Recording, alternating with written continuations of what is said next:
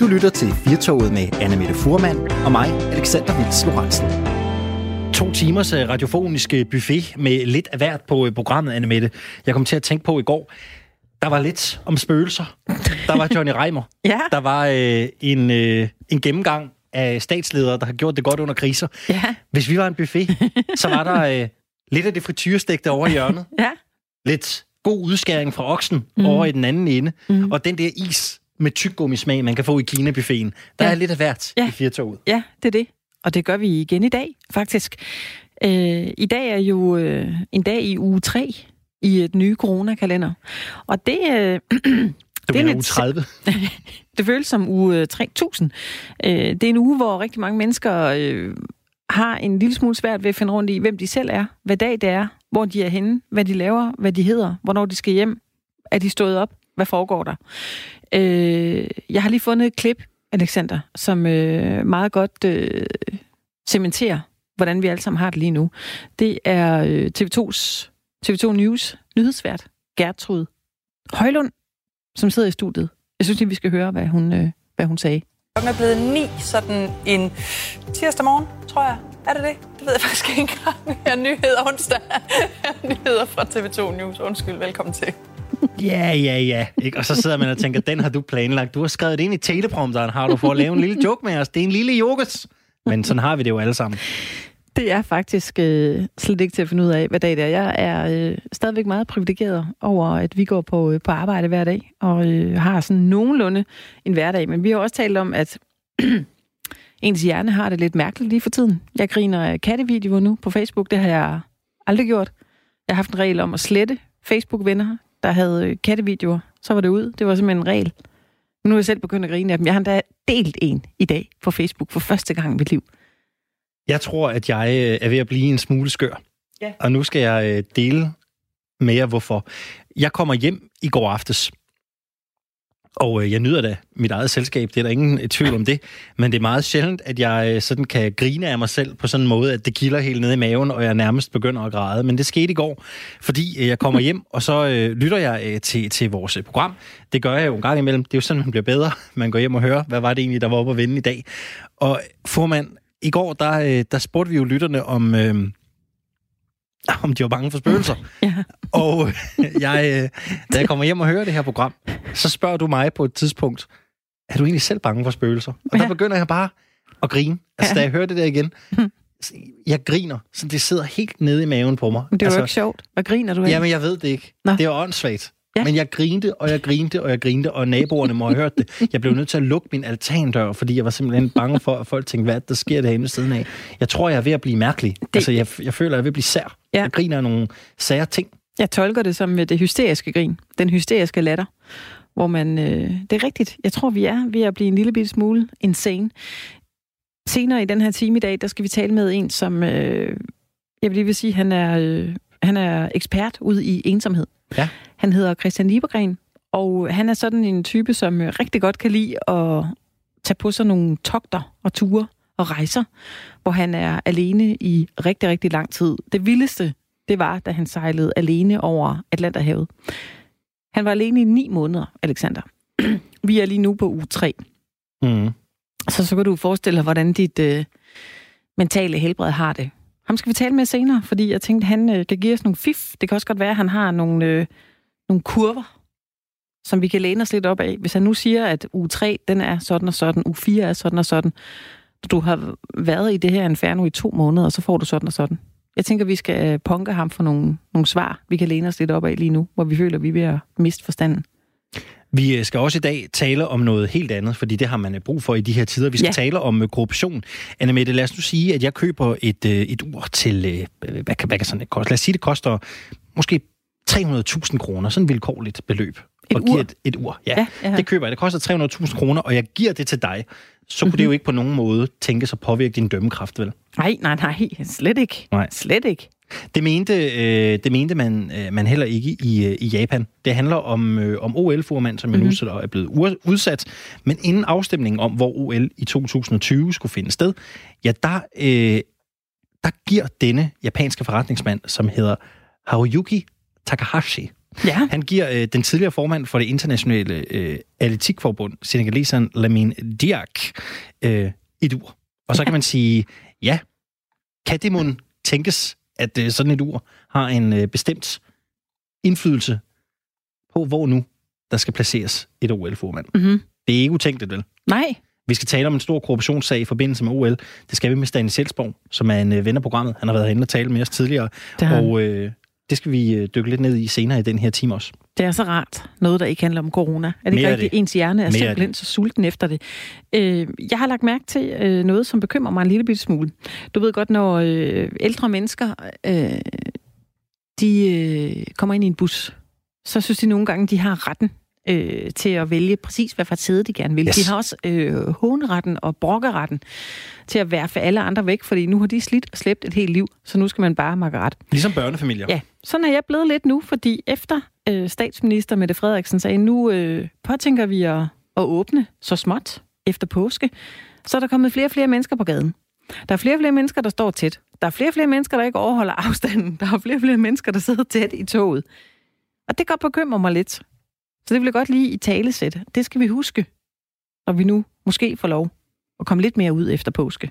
Jeg oplevede noget spøjst i bussen i dag, nu vi er Ja. i den afdeling. Mhm. Jeg øh, kører med bussen fra øh, der, hvor jeg bor. Jeg er Mhm. så heldig, der er et stoppested nærmest lige rundt om hjørnet fra min lejlighed, og så kører jeg herind. Jeg gider jo ikke gå. Det, er- hvorfor skulle jeg det? Det Nej. blæste også i dag. Det gider jeg ikke. Ja. Med bussen kommer der et par, der har en kat med. Nej. I sådan et, øh, et dyrebur. Ja. Sådan et transportkasse, ikke? hvor jeg tænker, i de her tider, hvor vi alle sammen skal blive hjemme, hvor er, det, hvorfor er det så vigtigt, at de skal afsted med den kat? Hvor er de skal hen? Tænkte Ja. jeg lidt. Ja. Hvad, øh, og, og det var jo svært for dem at finde plads i bussen, ikke? Fordi hvor Jo. stiller man sig selv og den kat? Ja. Hvor er det lige, man placerer sig? Mm-hmm. Var der, er der mange med i bussen så, når du tager afsted? Der var Altså- altså, faktisk i morges øh, til frokost, var der okay mange. Ja. Der var en cirka, en cirka fem stykker med. Det, er det er Ja. pænt i de her tider. Når jeg kører hjem, er der aldrig nogen med. Der er altid den eneste. Mm. Men øh, det er første gang i de her coronatider, jeg har oplevet, at der var en kat med. Ja. Og så bliver jeg jo en lille smule, du ved. Der bliver jeg jo lidt iffy, ja. fordi... Øh, jeg ved ikke, om du har læst om den kat i Belgien, der er blevet smittet med coronavirus. Jo, ja, det strejfede mig. Yes. Det Jeg duer tænkte jo bare, ikke. hold den der væk fra mig. Giv langt væk. En, en maske på. Yes. Ja. Væk med det der.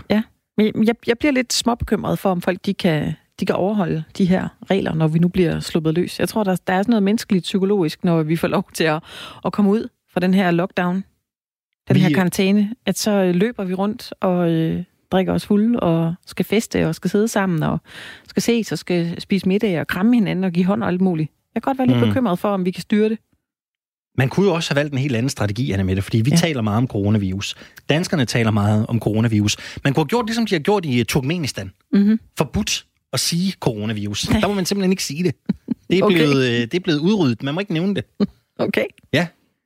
Her går vi alle sammen og tror, at øh, Orbán og Fidesz i Ungarn er øh, the bad guy. Ja. Så tag og tag et blik på Turkmenistan. Ja. Det er meget værre. Okay. Hvis, der skulle, øh, hvis de to øh, statsledere Men hvad skulle sker lyne der, ned... hvis man siger det så? Jamen, det, har, det ved jeg faktisk ikke. Nå. Øh, jeg ved ikke, hvordan man håndhæver det. Det, det, det. Det har jeg faktisk ikke læst mig ind i. Nej. Nu faldt jeg bare lige over, øh, over det her. Men øh, ja. der er ingen tvivl om, at øh, hvis Orbán tuller rundt ned i Ungarn, Mm. og tror, han har den største, hvis der bliver lynet ned, så øh, må han altså se sig slået Ja. af, Turk- af statslederen i Turkmenistan. Ja. Det, øh, det, er en, det er nogle helt andre midler, man tager i brug der. Og ja, måske skulle vi få sådan et lille stød, hver gang vi nævner det her i, øh, i Fyrtoget. Men jeg har lige to ting, øh, du kan sige, Alexander, hvis du mangler noget at tale om i aften, og du skal øh, snakke selv med og nogen i snakke med nogen. Ja, præcis. Hvis Ja. der er nu nogen, der ringer til dig, og de siger, "Nå, men hvordan går det så? Så kan du sige, øh, hvis du er dagen, den er tiltaget med 6 timer og 13 minutter, det kan du sige. Ja. Så siger de, hold da op, det havde jeg ikke tænkt på. Nej. Nej. Og var du klar over, at i dag, i 1979, der åbnede Lars Larsen sin første jysk sengetøjslærerbutik på Silkeborgvej i Aarhus. Det er nyttig viden. Og Det i er de det. her tider, se hvor meget vi har brug fra uh, Lars Larsens dyner og puder. Ikke? Vi ligger i dem hele dagen næsten. Fuldstændig. Vi kan måske netshoppe. Ja, det tog så 25 år efter, så var der øh, 1000 butikker i 18 lande. Det er da meget godt gået. Prøv at høre her. Uh, vi skal jo også have åbnet for telefonerne Det er og rigtigt. gang i jer lytter derude. Ja. Vi skal ikke snakke om spøgelser i dag. Nej, Det kan vi godt, men det er ikke planlagt. nej. Jeg vil helst ikke øh, have, at man ringer, ringer ind og fortæller, om man er bange for spøgelser igen i dag. Altså, øh, vi kan ikke have det to dage i træk. Så øh, Så det er jo op til vores kære firetogslyttere, som er med os her i, øh, i togvognen hver evig eneste eftermiddag. Jeg tror, vi er landet på i dag, Alexander, at vi er dem, der har den. Vi er øh, bordherre slash borddame, som sidder i togvognen, i spisevognen. Hvis man kommer forbi, så kunne man lige øh, prikke os på skulderen og sige, nu skal du bare lige høre her, hvad jeg har tænkt. Så øh, man kan få lov at ringe ind til os, og så kan man øh, lette sit hjerte. Man kan fortælle lidt om stort og småt, hvad der fylder lige nu. Det kan være, at man er fuldstændig ligeglad med corona. Det kan være, at man er ved at gå op i limning. Det kan være, at man har fået den her, øh, det her øh, U3-syndrom, som vi begge to har, hvor vi føler lidt, at vi har vat i hjernen. Ring ind til os 72 30 44 eller send os en sms. Du skriver R4, og så din besked, og så afsted med den til 1424. Så Janne Mette, vi spiller jo også musik i de her tider i uh, Firtoget. Det, det gør, gør vi. vi for ligesom at lette humøret en lille smule. Det skal vi heller ikke udenom i dag. Nej. Skal vi ikke starte ud med lidt dansk? Jo. Det er Carl William, den rødhårede troubadour, på om igen. Velkommen til Firtoget med Alexander Vils Norensen og Anne Mette Furman.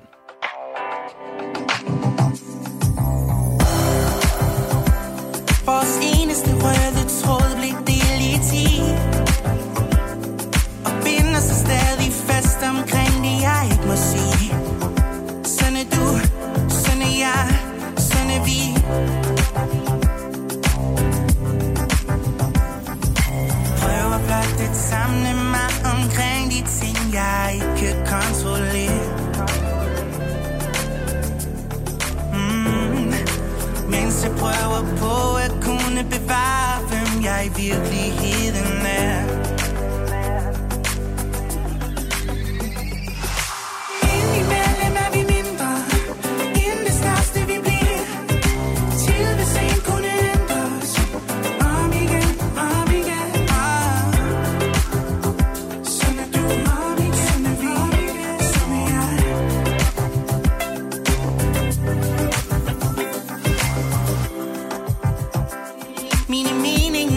tolker ord til krig.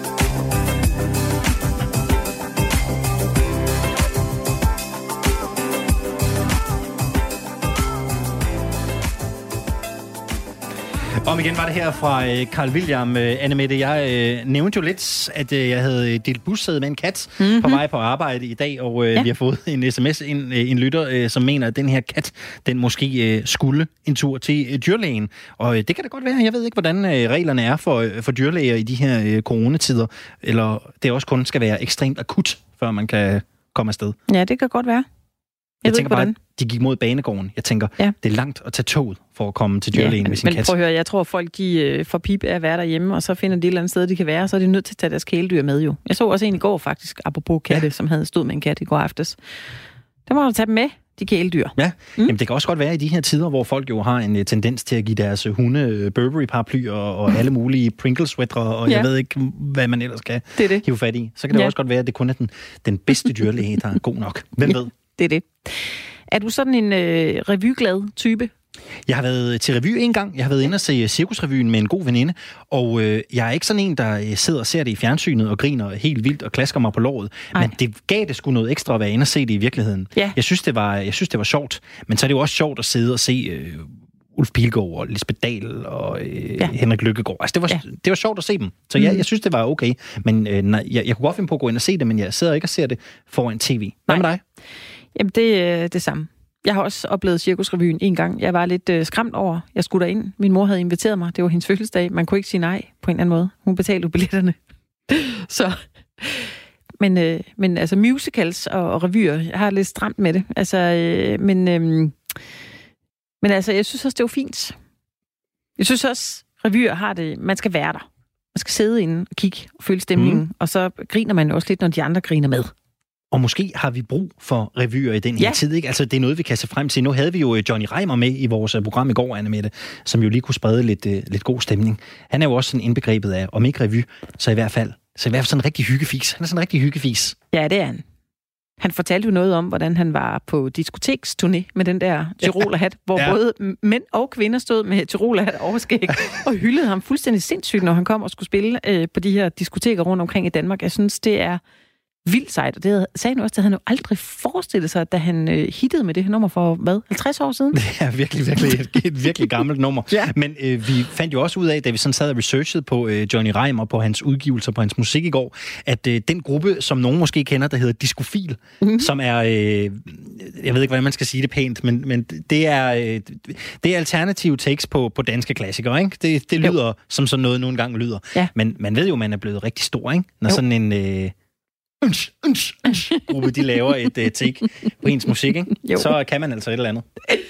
Det er rigtigt. Men uh, Alexander, de danske sommerrevyer, de er jo altså troet mm. på eksistensen på grund af coronavirus, og hjælpepakkerne, de hjælper ikke revyerne, uh, som frygter, at de må dreje nøglen om. Radio 4 Morgen, de havde talt med Leif Majbom, der er direktør og tekstforfatter i Sønderborg Revyen gennem 38 år. Det er jo et rigtig godt spørgsmål. Øh, for før, eller for 14 dage, 3 uger siden, der var der masser, synes man. Der havde jeg masser af idéer skrevet op, og jeg har også skrevet en del tekster.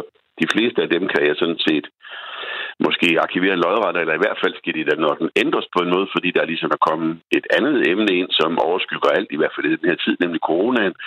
Og øh, omvendt så ved vi jo også godt, at vi kan jo ikke have en revy med 20-25 tekster omkring coronaen. Det vil jo folk, øh, det vil jo være helt øh, øh, umuligt at lave sådan en revy.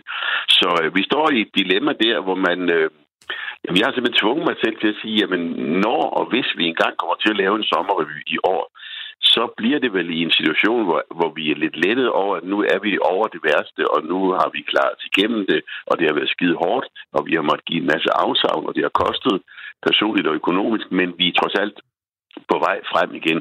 Og det vil sige, at så kan man for det første beskæftige sig med nogle almindelige emner af dem, vi vil, vi vil skrive om i revyerne, samtidig med, at vi også kan sige, jamen, hvad skete der så under den her lange periode, hvor vi var isoleret fra hinanden? Mm. Øh, øh, opstod der ikke nogen mærkelige situationer? Altså pludselig var man hjemme og skulle arbejde hjemme og gå sammen med konen og børnene hele dagen. Hvad skete der så lige der i familien? Eller øh, øh, øh på den måde, det er også de her øh, tåbeligheder, som vi, vi læste om på starten med at hamstre toiletpapir og gær, altså ja hvad sker der med, med os danskere? Der, der ser jeg jo nogle, nogle, nogle sjove og nogle mærkelige tendenser, som man siger, det må vi skulle da kunne bruge på en eller anden måde i revysammenhæng. Der er, altså, nu, nu siger jeg noget, der er helt faktuelt, og så skal du sige, om det kan bruges til noget.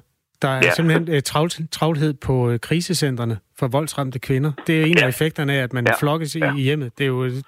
det, det har jeg læst om. Og ja, det, det tror jeg godt. Det, det kan godt bruges, tror jeg. Ligesom det, jeg også læste i går eller i forgårs, at, uh, at uh, uh, der dukker alkoholikere op. Ikke at, at de bliver det under coronakrisen. Ja, det kan godt være, det ved jeg ikke. Men også at uh, jeg læste om en kvinde, som hvis man arbejdede, gik på arbejde hver dag, og mens han var på arbejde, så kvalte hun lige to flasker hvidvin, inden han kom hjem.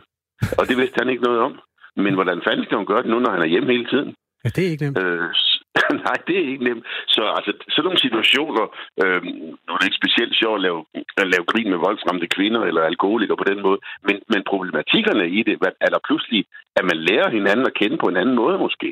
Leif Meibom, øh, det kunne være rigtig sjovt at, at tale sådan helt konkret om, hvad, hvad du kunne tænke dig at lave sjov med, og hvordan. Altså, har du noget, ja. du har skrevet, som du kan ja. løfte sløret for? Ja, ja, ja fordi jeg havde allerede inden, inden øh, krisen startede, i hvert fald startede hos os, havde jeg en idé til en vise, jeg skulle skrive til Jan Skov, til Rottefeldt Revy. Sådan en af de her, øh, øh, den gamle visetradition, hvor der er lidt alvor i, så der vil jeg skrive om ensomhed, fordi jeg synes, der egentlig i vores velfungerende Danmark er der også mange ensomme mennesker, øh, som man bare ikke rigtig kender, og man ikke ser dem, fordi det er netop fordi, de er ensomme. Og der havde jeg en, en, øh, en klar idé til det, og så kommer coronakrisen, hvor vi så alle sammen skal blive hjemme, og dermed også blive lidt ensomme. Måske en del er, er, er, er jo blevet meget ensomme, fordi de ikke kunne se nogen. Og så tænkte jeg, jamen der er det en sjov, øh, en, en sjov ting her, fordi øh, manden, som normalt er ensom, øh, kan pludselig øh, sammenligne sig med de andre, men, men de, som bare bliver ensomme i en periode, de kan jo komme ud af krisen igen, og så kan de se finder igen. Og så pointen er lidt, at han siger, jamen nu vi alle sammen kommer ud af det her, så håber jeg, at vi ikke mere skal holde afstand, og I ikke skal holde afstand mere til dem, I plejer at holde afstand til. Der er kommet en sms fra en af vores lyttere, der skriver, vold mod kvinder er ikke sjovt. Og punktum. Ja, han er ret i. Eller ja. hun. Øhm, men det er jo den der med, hvornår noget er for tidligt, og hvornår noget ja. er på kanten og sådan noget. Den, den diskussion er jo, må du have stået med nogle gange, når du har været der 38 år. Altså, hvad gjorde man ja, dengang, øh, hvor der var AIDS, for eksempel? Altså, det var jo... Jamen, øh, jeg, jeg ved da helt sikkert, at jeg var der for tidligt ud dengang, fordi man tog det ikke særlig alvorligt. Man tænkte, at ah, det er nogle, øh, en lille øh, gruppe, som øh, er homoseksuelle, som, som bliver et eller andet syge eller noget af det. Så der lavede vi lidt øh, overfladisk grin med det, og, og, og så går der et år, hvor man så ser, at, øh, at de dør som fluer rundt omkring, og tænker man, hov, det var sgu ikke så godt, det der. Så har revyen heldigvis den, øh, den mulighed, at, at det behøver jo ikke være 25 lovklassende numre i en revy. Der er, må også gerne være det her, som måske øh, øh, øh, prikker lidt til vores øh, samvittighed, som, som øh, udstiller nogle ting, som vi måske ikke normalt vil snakke om, hvor man absolut ikke skal grine af det, men man kan få en eftertænksomhed i det. Så, så øh, der, der brugte man AIDS øh, til det også. Men, men det er da bestemt ikke noget, man, man står og laver grin med på den måde i den lovklassende stil. Hvad er du glad for, at der ikke var noget, der hed Facebook, hvis du var for tidlig ude med vitser om AIDS dengang der? ja, jeg har været, jeg har set på Facebook, og jeg har været ude med nogen, med nogen hvor, jeg har, hvor jeg også får at vide fra nogle kolleger, nu er du lige for tidligt ud der. Og det er jo, det, jeg gjorde det mest også for at teste, hvor, hvor, hvor, hvor meget kan man egentlig... Jeg kan ikke huske, hvad det var for en øh, aktuel sag, men, men der fik jeg i hvert fald øh, læst og pålæst, at, at det skulle jeg ikke gøre. Øh, og det er lidt sjovt at teste, hvornår det egentlig er tilladt at gøre grin med noget. Men, men som sådan, jeg tror ikke, man kan gøre grin med, altså man gør ikke grin med selve coronaen som sygdom. Man gør ikke grin med de, der dør af det, eller de, der ligger på intensiv. Men man kan grin med, med hvad, hvad følger, hvad, hvad er det for nogle følger, der kommer af det, og hvad, hvad bliver det for et samfund, vi får efter coronaen? Leif Majbom er altså direktør og tekstforfatter i Sønderborg Revyen. Jeg kunne godt tænke mig lige at høre til sidst. Øh, det fjernsynsprogram, der bliver set allermest i øjeblikket, det er pressemøder med Mette Frederiksen og ja. Magnus Heunicke og øh, Søren Brostrøm og sådan noget. Søren Brostrøm, ja. Hvad kan du bruge det til? Ja, men det, der er jo nogen, jeg kan jo se, der er nogen, der allerede er begyndt at, at, at drage en parallel til den gamle øh, lærebog i, i dansk, Søren og Mette. Oh, ja. øh, og der er der noget sjovt, det synes jeg også. Øh, det er helt tiden den der måde, de står på. Jeg synes også, det er sjovt med tolkene i baggrund. Det bliver jeg nødt til at sige. Øh, det kan, der kan jeg ikke lade være med at tænke, at der ligger noget der. Og så det sjove ved det med Mette, det var, hun er jo, øh, eller hele regeringen som sådan, det var jo en, altså jeg tænkte, at jeg skulle begynde at skrive i år, tænkte, det er jo en helt anonym regering, vi har. De har ikke siddet ret længe, de har bestemt ikke markeret sig ret meget. meget.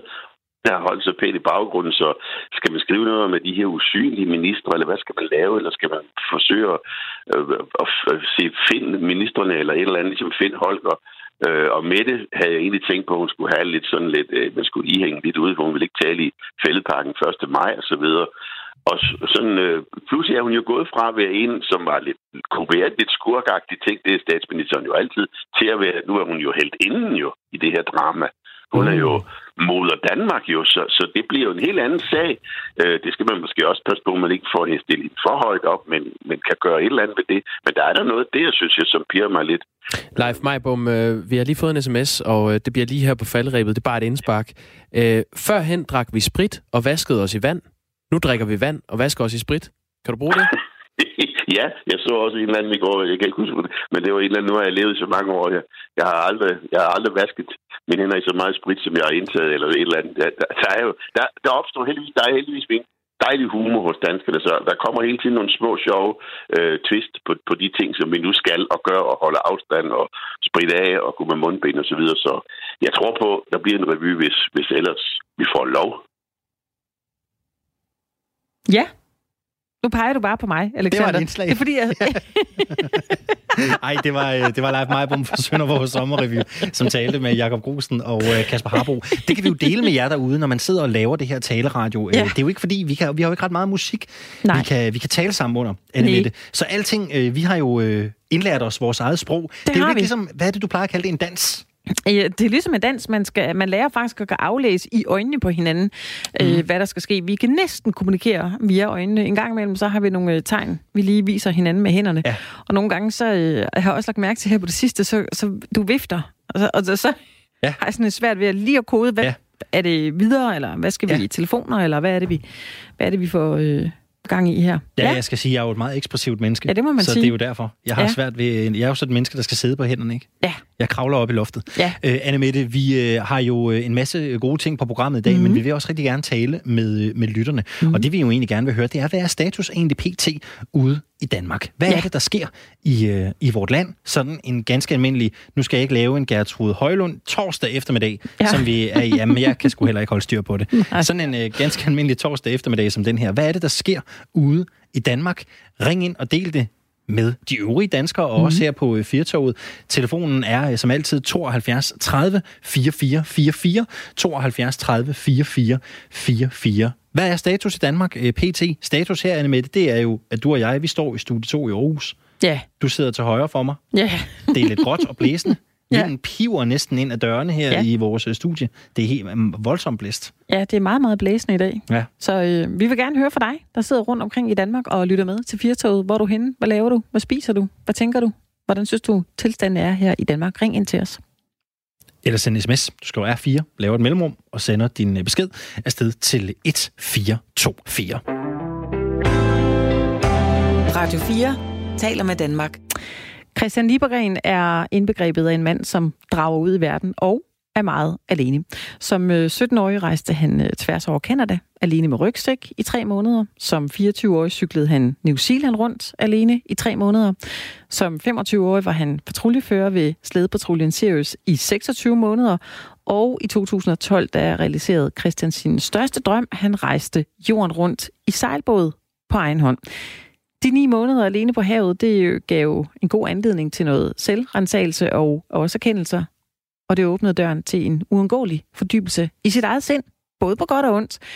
Helt så meget alene har vi ikke været endnu under coronakrisen, men vi kunne alligevel godt bruge noget inspiration til at håndtere det der med at være alene, men også til at holde gejsten oppe i en, øh, en svær tid. Velkommen til dig, Christian Liebergren. Jo, tak. Mange tak. Man kan jo godt kalde dig en form for ekspert i at være alene. Kan du ikke lige fortælle os lidt om de her forskellige faser, vi går igennem lige nu, hvor vi jo i den her uge er i uge 3 i corona-lockdownen? Ja, jamen det er jo, øh, og det er jo den spændende fase i det her, for jeg tror ikke, der er nogen i Danmark, der har været så meget alene eller frivilligt isoleret, som jeg har. Og jeg har sådan gået og tænkt lidt over, hvad, hvad, hvad er det, man oplever i de her uger, der kommer nu her. Og den første uge, hvor man er ligesom isoleret, der tænker man, det her det er jo spændende, det er jo nyt, det er vi jo ikke vant til, så det, det skal vi bare prøve af. Og så uge to, der tænker man lidt, jamen er det bare en, en gentagelse af, af uge et? Og ja, det er det. og så uge tre, der er det frustrationen, den kommer nu her i, at øh, skal vi så bare blive ved med det her? Hvor lang tid skal det vare? Og der er jo ligesom sådan, kan vi sige, to, øh, to ting, man kan gøre, når man er her. Der man enten kan ærge og irritere sig over det, eller man kan acceptere, at jamen, sådan er det, og så tage den nye virkelighed i, i egen hænder. Ja, det kan jo være lidt svært, når ikke man helt ved, hvordan man, øh, man skal gøre det, men altså din længste tid, da du var mutters alene på din øh, sejltur over Atlanten, ja. der var du alene i ni måneder, øh, før du som mennesker igen. Så vi lige skal prøve sådan at bide den tur over i, i, nogle, i nogle bidder. Hvordan håndterede du så de udfordringer, du fik, når, øh, når dit eget selskab det blev lige en tand for meget? Jamen, øh, jamen, det håndterede jeg ved. Altså, det var forskelligt, fordi der var jo noget at lave hele tiden. Altså, når du er på en sejlbåd og skal sejle jorden rundt, øh, og det var cirka ni måneder, jamen, så, så er der altid et eller andet at lave hele tiden. Mm. Øh, altså, bare holde den flydende og sejlende. Men der var nogle gange, så bliver det også bare ekstremt ensformet. Altså, man siger, at der er ikke to bølger, der ligner hinanden, og det er også rigtigt. Men ligner godt nok meget hinanden. Ja. øh, og det, det er sådan...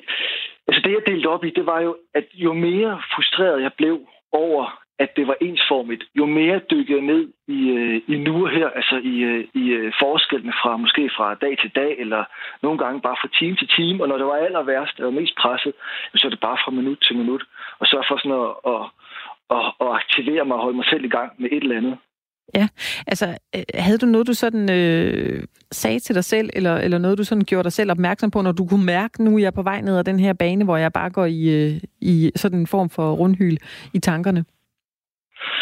Jamen, så lavede jeg sådan en, øh, en, sam, eller sådan en samtale med mig selv, hvor jeg tænkte, nu, nu tager du det lige sammen. Det var det, det, var det man kalder en, en mus-samtale.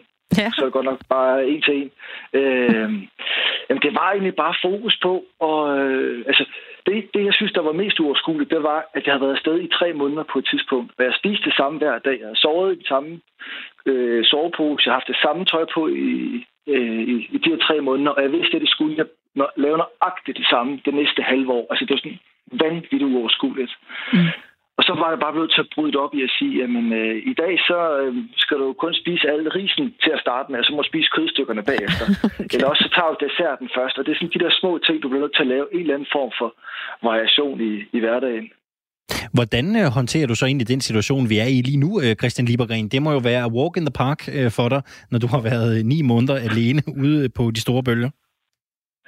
Altså, til trods for, hvad corona er, og, og hvad det er for en størrelse i, at altså, det, det gør ved mennesker, så vil jeg sige, at den tid, jeg har fået nu her, øh, sådan helt, helt ærligt, så synes jeg, det er pragtfuldt. Altså, jeg har jo fået usaner tid til at gøre alt det, jeg ikke plejer at gøre, eller prioritere til hverdagen, i at være derhjemme, i at være nærværende med, øh, kan vi sige, dem, jeg er isoleret med, min kone og min søn, og så alle de projekter, øh, der, der flyder herhjemme på gården. Mm. Så, øh, så, så jeg synes, det er fint. Og så synes jeg, at det, det gør jo den der, det giver tid til refleksion. Det er jo det, der sker, når man, når man er i den her sådan øh, ensformige, næsten kaldt det trance, at der man jo reflekterer over, hvad, er vi på rette kurs, gør vi det, vi skal, og, øh, og skal vi lave noget om, når vi kommer ud på den anden side også. Mm. Og så ikke mindst, det største eventyr, det ligger i nærværet, i at være sammen med dem, man holder mest af. Men der er der jo rigtig mange, der er ved at få kuk i kasketten lige nu, fordi de er så meget sammen med deres familier, og de skal arbejde derhjemme, de skal hjemmeskole børnene, de skal få det til at køre som ja. familie, de skal selv have en arbejdsplads kørende, så der er jo rigtig mange mennesker, som øh, øh, går lidt af, af gurk over den her øh, usikkerhed, og jeg tænker, at, at, at det er jo også noget, du har, har oplevet, øh, da du var alene, at man kan lige tage de her ni måneder, da du sejlede. Altså, når du har været i de der situationer, hvor du bliver, jeg vil ikke sige ramt af panik, men altså, at du ligesom bliver så frustreret, hvordan får du trukket dig selv ud af den følelse? Jamen, jeg kan godt forstå, at folk er ved at gå og gurke derhjemme. Men det er jo også, altså, førhen, der havde man jo, så gik man på arbejde, så gik man hjem, og så var man øh, nærværende med sin familie forhåbentlig der, og så lavede man aftensmad, så spiste man, så puttede man, og så puttede man selv. Men nu skal man jo gøre det hele. Altså, det er jo ikke bare et fuldtidsarbejde. Det er jo tre jobs, man har på samme tid. Så jeg kan godt forstå, hvis der begynder at være sådan panik og stress derhjemme. Mm. Øh, mig selv, jamen, Jamen, del, deler dagen op. Altså, så siger nu, nu gør vi det her. Så nu, øh, nu, nu hvis, hvis, jeg, hvis jeg har børn, der skal undervises, min, min søn han er kun to år, så, hvis, så vil jeg de, altså, delt op i, øh, i helt klare projekter også. Så, så blev den vinget af. Så fik vi undervist.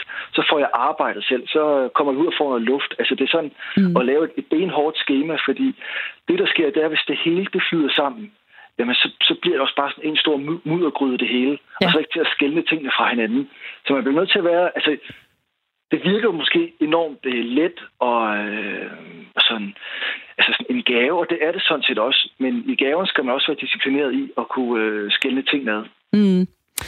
Jeg bliver lidt nysgerrig på, øh, hvorfor er det, du er, drevet af de her udfordringer, der er, når man er alene afsted på rejse? Fordi du var øh, ja, ni måneder afsted, hvor du sejlede jorden rundt. Så har du også været på øh, nogle andre ture, hvor du var væk længe. Hvad er det, der, der driver dig til at, at synes, det er fedt? Jamen, det startede allerførst med, at jeg var 17 år, skulle rejse tværs over Canada. Og øh, dengang, der gik alle i gymnasiet, og det, det var slet ikke klogt nok til. Så, så tænkte jeg, så må jeg gøre noget andet. Jeg skulle lære at blive bedre til engelsk, så rejser tværs over Kanada. Og så fandt jeg ud af, jamen det her, det fungerer jo fint med at rejse selv, fordi øh, et, jeg kan jo, der er skal ikke spørge nogen om lov, og jeg skal ikke spørge nogen, øh, sådan, hvad har du lyst til? Men nok det andet, det var, at det gør, at det, at det giver tid til at tænke og reflektere. Man bliver ikke forstyrret. Så det gør, at jeg fik sådan, i en ret hurtig ung alder, fik jeg sådan smag på at, det, at give mig selv noget alenetid til at øh, sådan lige få, få ryddet op på øverste hylde. Mm. Og dertil skal så siges, at så kunne man godt tænke, at øh, Christian han er jo sådan en øh, sådan semi-narcissistisk øh, person, der går derhjemme, mm-hmm. og ikke kan lide andre mennesker. Altså, jeg vil betragte mig selv som et ekstremt socialt væsen, og mm. elsker at være sammen med andre. Men selv sådan nogle sociale bomber som mig, skal også lige have tid til at, at, at have lidt alene tid, så man finder ud af, hvad, hvad er det, der, der svinger i maven på en. Mm. Jamen, øh, Christian, du øh, lyder som om, du har det godt lige nu under, under den her lockdown, vi alle sammen er i. Øh, tak, fordi du var med her i, i Firtoget og lige gav os et, et lille indblik i, hvad der sker, når man er alene. Jo, tak, og god rejse. Tak, tak skal du have. Anna Mette, nu nævnte jeg jo uh, Turkmenistan uh, i en lille vittig uh, kommentar, og ja. uh, satte uh, tilstanden i Turkmenistan op, hvor man nu ikke må nævne coronavirus. Det satte jeg op mod, uh, mod Orbán ja. Ungarn ja. fra Fidesz-partiet. Og jeg synes egentlig lige, vi skal dykke lidt ned i, hvad det egentlig er, der sker i Ungarn. Bare sådan lige en passant, hvad det egentlig er, der sker derovre. Fordi det er jo faktisk så vildt, det der sker i uh, Ungarn, at det social, eller slutter, det konservative folkeparti i Europaparlamentet nu vil have smidt øh, Orbans Fidesz-gruppe ud af den kristendemokratiske gruppe i Europaparlamentet. Nå. Så voldsomt øh, er det simpelthen. Det, der er sket i, øh, i Ungarn, Annemette, det er jo, at øh, mens vi her i Danmark jo har vedtaget en masse hastelovgivning, der blandt andet betyder, at vi ikke må samles mere end 10 personer udenfor mm. ad gangen, så har man taget den mildestat lidt videre over øh, østpå. Det, øh, der er øh, sket helt præcis, det er, at et flertal i det ungarske parlament, de har stemt for, at Fidesz-regeringen kan forlænge en nødretstilstand på ubestemt tid og lede landet per dekret. Det vil sige, Anna Mette, at man jo ikke behøver at spørge parlamentet om lov, inden man gennemfører lovgivning. Mm-hmm. Det skal ikke stemmes igennem. Det kan man simpelthen bare sætte i verden. Og hvad er det så, man taler om i Ungarn lige nu? Jo, blandt andet øh, skal det være muligt at fængsle personer i op til fem år, hvis de spreder falske nyheder om coronasmitten. Wow. Så kan man simpelthen få øh, fem år i fængsel. Det er da helt vildt. Man kan heller ikke afholde valg, så længe at loven står ved magt. Og det skal siges, at nu har man jo fået igennem, at det her kan køre på ubestemt tid. Så spørgsmålet er jo, hvad er ubestemt tid? Ja, det er det. Det er jo ikke første gang, Orbán han fifler lidt med rule of law. Mm-hmm. Han har været op og vende rigtig, rigtig mange gange, og øh, det ligner jo, ud fra det vi ser, at vi har øh, fået et, ja, hvad kan man sige, vi har fået et, et midlertidigt nyt diktatur i Europa. Mm-hmm. Og det er nu åbenbart øh, blevet så voldsomt, at man simpelthen vil have Fidesz-gruppen, som sidder i øh, den kristendemokratiske gruppe, sammen med det konservative Folkeparti, smidt ud af Europaparlamentet. Det har øh, Pernille Weiss, som jo sidder i Europaparlamentet, og Søren Pape, som er formand for det konservative Folkeparti, de har skrevet et brev, hvor I de plæderer for det her. Så det bliver spændende at se, hvad der sker i øh, parlamentet. Det er jo ikke første gang, at man har kippet med fladet for at få øh, Orbán sendt ud for døren. Men det er altså nogle af de ting, der sker i andre lande end i, end i Danmark. Mm. Man har simpelthen det nærmeste indført diktatoriske tilstande det er lidt i, vildt. i Ungarn. Kunne du forestille dig det i Danmark? Nej, det, det, det vil jeg have svært ved. Ja. Det vil jeg have svært ved at forestille mig, øh, kan man sige. Men øh, ikke desto mindre det er jo et interessant spørgsmål, øh, Anne Mette, fordi debatten går jo også rigtig meget i Danmark på, hvad man egentlig kan tillade sig. Altså, der er jo rigtig mange, der har taget, øh, der, der er jo rigtig mange, der mener, at, at regeringen nu har taget meget voldsomme trin ind i den øh, personlige bevægelsesfrihed. At det er blevet meget voldsomt, ikke? Og øh, debatten kører jo også lige nu på, hvornår Danmark skal åbne op igen. Mm. Det har vi også hørt i medier her i løbet af den sidste uge. Hvad er det øh, egentlig for nogle overvejelser, der er øh, i gang i forhold til at få økonomien skudt i gang igen. Mange erhvervsledere har været ude at sige det. Jeg hørte en podcast på, på øh, en konkurrerende kanal i går, hvor øh, der var et interview med en, øh, med en grundlægger af et stort dansk modefirma, meget stort, mm-hmm. som jo faktisk var så tæt på falit, at, hvad var det, han sagde, 14 dage efter påske, så er der ikke flere penge tilbage i kassen, vel? Aha. Så er det slut. Det er altså vildt, ikke? Hvor hurtigt det kan gå. Det er helt, helt ja. sindssygt. Ja, det er det. Vi er altså og, altså kun i uge 3, ikke? Ja, og det er altså store virksomheder, vi taler om her. Ja. Øh, vi kan så selvfølgelig øh, glæde os over, at i Danmark så de her ting, de kommer heldigvis omkring Folketinget, inden de bliver, inden de bliver vedtaget. Vi er heldigvis ikke øh, tilstande ligesom dem i øh, Ungarn. Ikke desto mindre, så synes jeg alligevel, det lige var værd at dvæle lidt mm. ved en udvikling i Ungarn. Et sted i Europa, en del i vores europæiske familie, hvor tingene de altså går øh, ekstremt hurtigt lige nu. Og fra øh, magtfuldkommenhed i Ungarn til korruption. Vi bliver lidt i samme boldgade, kan man jo godt sige på en måde. Øh, Annemette, jeg spurgte dig tidligere. Hvis øh, du nu skal tage en vigtig beslutning, mm-hmm. og lad os sige, at nogen kommer og giver dig et ur. Det koster ja. 300.000 kroner. Ja. Hvordan tror du, det ville påvirke din dømmekraft? Jeg vil nok lure lidt, ikke? Jeg vil nok først øh, lige tjekke, om, om det var stjålet. Om det var ægte. Ja. ja. Hvordan du lige pludselig har fået 300.000 til at kunne købe et ur til mig. Ja, det vil du nok tænke over, hvis ja. det kom øh, fra mig. Ja. Men øh, nu skal vi op i de lidt højere luftlag ja. til nogle mennesker, der har øh, sikkert både lidt mere mellem ørerne, end jeg har, og lidt mere i øh, pengepunkten. For øh, den, øh, forret, den japanske forretningsmand Haruyuki Takahashi, han, øh, han mener ikke, at det her overhovedet behøver at påvirke øh, ens dømmekraft. Mm-hmm. Han har nemlig øh, gravet godt ned i lommen og fundet penge frem til et ur. For kort inden afstemningen om, hvor OL i 2020 skulle finde sted. Den afstemning den lå tilbage i 2013. Der overdyngede han mildest talt den tidligere formand for det internationale atletikforbund, senegaleseren Lamin Diak, med gaver. Lamin Diak han var desuden dengang også medlem af den internationale olympiske komité, den der hedder IOC. Så lyder øh, anklagerne i en øh, fransk korruptionssag, der kører mod Takahashi nu. Han skal så angiveligt have handlet på vegne af den japanske olympiske komité, da nogen har vurderet det usandsynligt, at han af egen lyst fik spontan lyst til at give gaver til øh, Lamin Diak. Det kan der måske være noget om. Efterforskerne i sagen, de mener simpelthen, at der har været en bagtanke med gaverne, så har man simpelthen også set det med. Det her det er blot det seneste skud på skammen af de øh, korruptionsanklager, der har ramt lejen i Tokyo. For et øh, par uger siden, der meddelte formanden for den japanske olympiske komité også, at han stopper. Det sker efter, der har været anklager frem mod ham personligt i forbindelse med en overførsel på cirka 15 millioner kroner til et konsulentfirma, der man sandt også har en forbindelse til Lamin Diak. Alle veje fører fra Japan og lige til Diak, og det er nok ikke helt tilfældigt. God eftermiddag og velkommen til dig, Stanis Selsborg. Tak skal du have.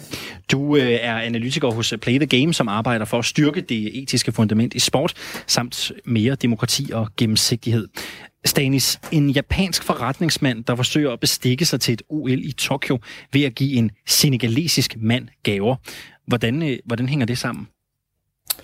Ja, det er et godt spørgsmål. Det burde jo først og fremmest ikke, ikke hænge sammen. Men øh, vi ved jo nu her, ligesom øh, ja, stort set samme tidspunkt, som man valgte at udskyde øh, OL til, til næste år, så er det så kommet frem den her sag, som I meget fint lige har skitseret, at Takahashi han har modtaget en masse millioner dollars fra den japanske olympiske komité, og så har skulle være medvirkende til at bestikke IOC-medlemmer til at stemme på Tokyo som værst. Og herunder ikke selvfølgelig, øh, ikke mindst øh, Lamin Diak, altså det tidligere præsident for det internationale atletikforbund, hvis øh, ry i forhold til korruption er øh, en anelse blakket, må man sige. Og øh, der har man så, øh, der har øh, Takahashi, den japanske forretningsmand, så ment, at øh, Seiko-ure til over en kvart million øh, kroner er, er en del af det at øh, skulle give gaver til IOC-medlemmer.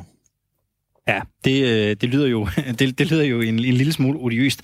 Stanis, øh, en sag som, som, som den her i forbindelse med hele OL-udvælgelsen, hvor usædvanlig er den sådan en, en korruptionssag her? Ja, der havde jeg jo lyst til at skulle sige, at den var ret usædvanlig, og det er nyt, men øh, korruption og IOC øh, er sådan set ikke nyt, når vi kæder de to ting sammen.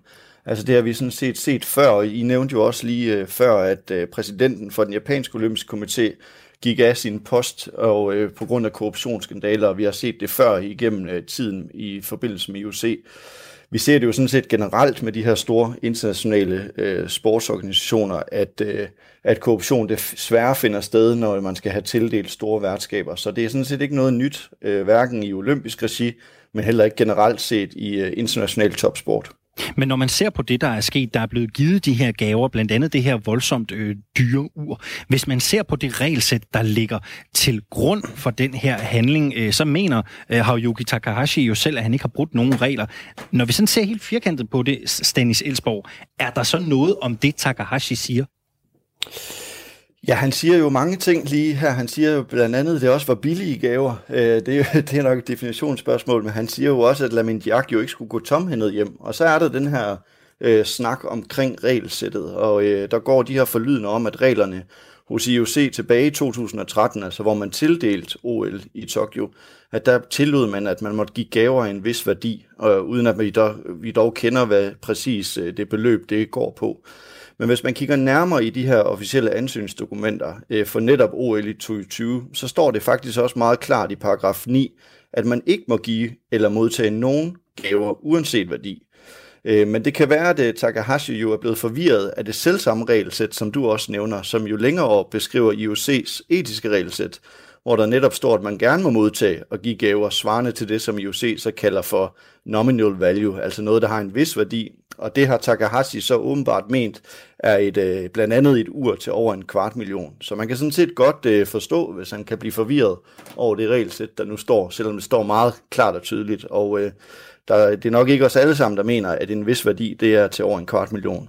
Det afhænger i hvert fald meget af, hvordan man, hvordan man tolker det konkrete ord. Men, men øh, Stanley Selsborg, hvorfor har IOC's medlemmer, øh, kronprins Frederik blandt andet, og andre øh, højtstående medlemmer, hvordan har de accepteret et så, øh, et så dekadent, eller i hvert fald tvivlsomt regelsæt, der netop åbner op for, at fros og, og bestikkelse kan finde sted?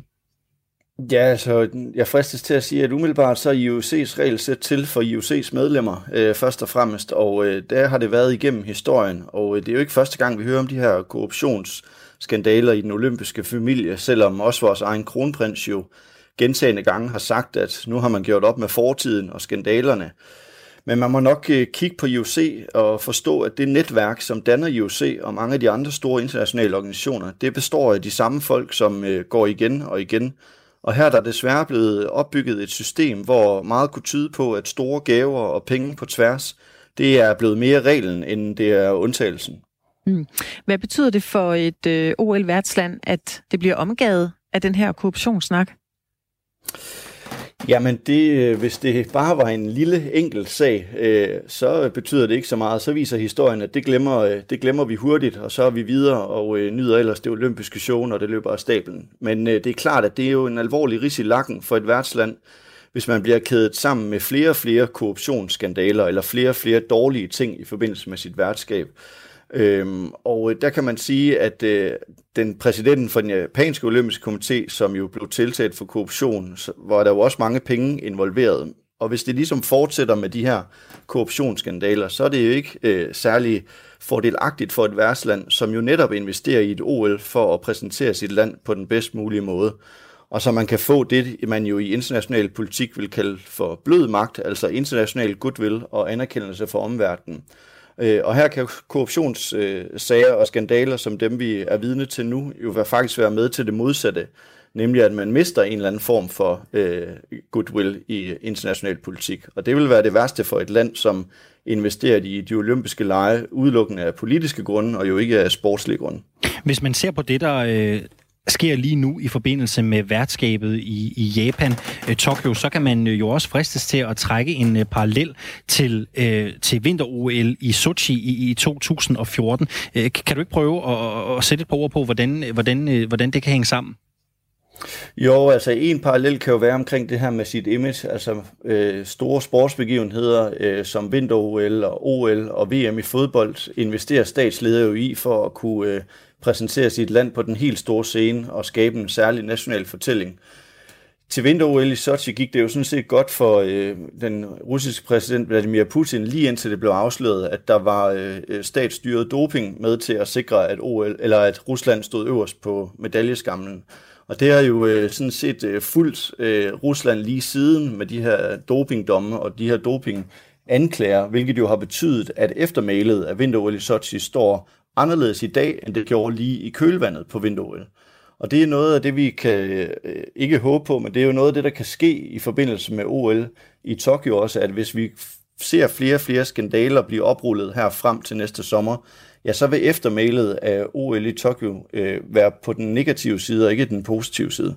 Nu øh, er øh, OL jo blevet øh, udsat, men den her sag, den her tale om, om korruption, den kører nu. Øh, vi har også talt med dig tidligere, øh, hvor øh, snakken mere handlede om, at de socialt udsatte, de hjemløse i, i Tokyo øh, oplevede, eller kan se frem til at opleve at blive fjernet fra, fra, fra bymidten. Hvis de her sager, de kører, øh, Stanis Elsborg, det kommer de jo til øh, fremadrettet mod OL. Kan det have nogen konsekvenser for et værtsland som Japan, inden vi når til et OL? Ikke i forhold til at skulle afholde OL. Det kan godt have konsekvenser i vores forståelse af de olympiske lege i Tokyo, hvis vi øh, hører øh, flere af de her historier. Men for øh, den japanske olympiske komité og den internationale olympiske komité, der får det ingen konsekvenser. Altså det er ikke sådan, at øh, vi lige pludselig kan stå til sommer, og så bliver øh, Tokyo og Japan frataget de olympiske lege. Det er der ikke noget, der tyder på, hverken IOC øh, eller Japan og øh, japanske premierminister Shinzo Abe er interesseret i. Og der er heller ikke noget historisk, der viser, at lige meget hvor mange skandaler, der er op til et OL, så øh, mister øh, værtslandet i hvert fald ikke øh, værtskabet. Nu er der lege i Paris i 2024, og så i Los Angeles i 2028. Med det, vi har set i Japan, skal vi så også regne med, at, at øh, de er blevet landet med ja, beskidte midler, lad os kalde det? Ja, det vil jo nok i hvert fald være meget optimistisk at stå og sige nu, at der heller ikke har været øh, penge eller gaver involveret i forbindelse med de værtskaber. Øhm, nu viser historien jo igen og igen, at det har fundet sted, og det har det sådan set stort set ved, ved øh, samtlige olympiske lege, eller i hvert fald øh, mange af de UC-medlemmer, der er, har jo modtaget gaver af en vis værdi øh, på øh, en kvart million. Øh, og øh, derfor så er det jo også meget sandsynligt, at der har været noget, som øh, er gået lidt under radaren i forbindelse med Paris 2024 og Los Angeles i 2028. Øh, så jeg tror godt, vi kan forvente, at vi også kommer til at høre nogle historier, når vi nærmer os de lege. Stanis Elsborg, analytiker hos Play the Game. Tak fordi du var med her i uh, Firtoget. Det var så let. Det er også sådan i Firtoget, at vi lige spiller lidt musik. Meget lidt, men øh, det gør vi simpelthen for lige at få tankerne væk fra øh, hverdagen og fra lockdown og for mm. alle de ting, vi er lidt træt af. Så finder vi noget, der kan gøres måske i lidt bedre humør. Og frem mod øh, nyhederne her klokken 4, så skal vi øh, have fat i et lidt øh, nyere nummer, Anne Mette. Vi skal ja. have fat i The Weeknd, som jo blandt andet er kendt for at have turneret lidt med Daft Punk. Ja. Her er han alene på Blinding Lights.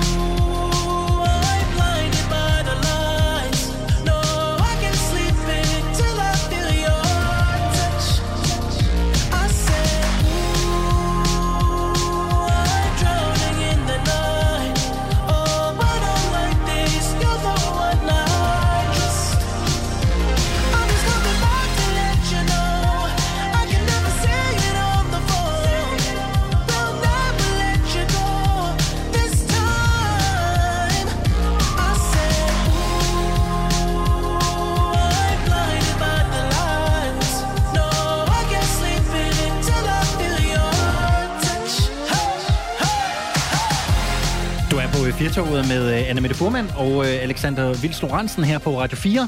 Og vi er tilbage med meget mere radio til dig på den anden side af et øh, nyhedsoverblik. Det får du lige her.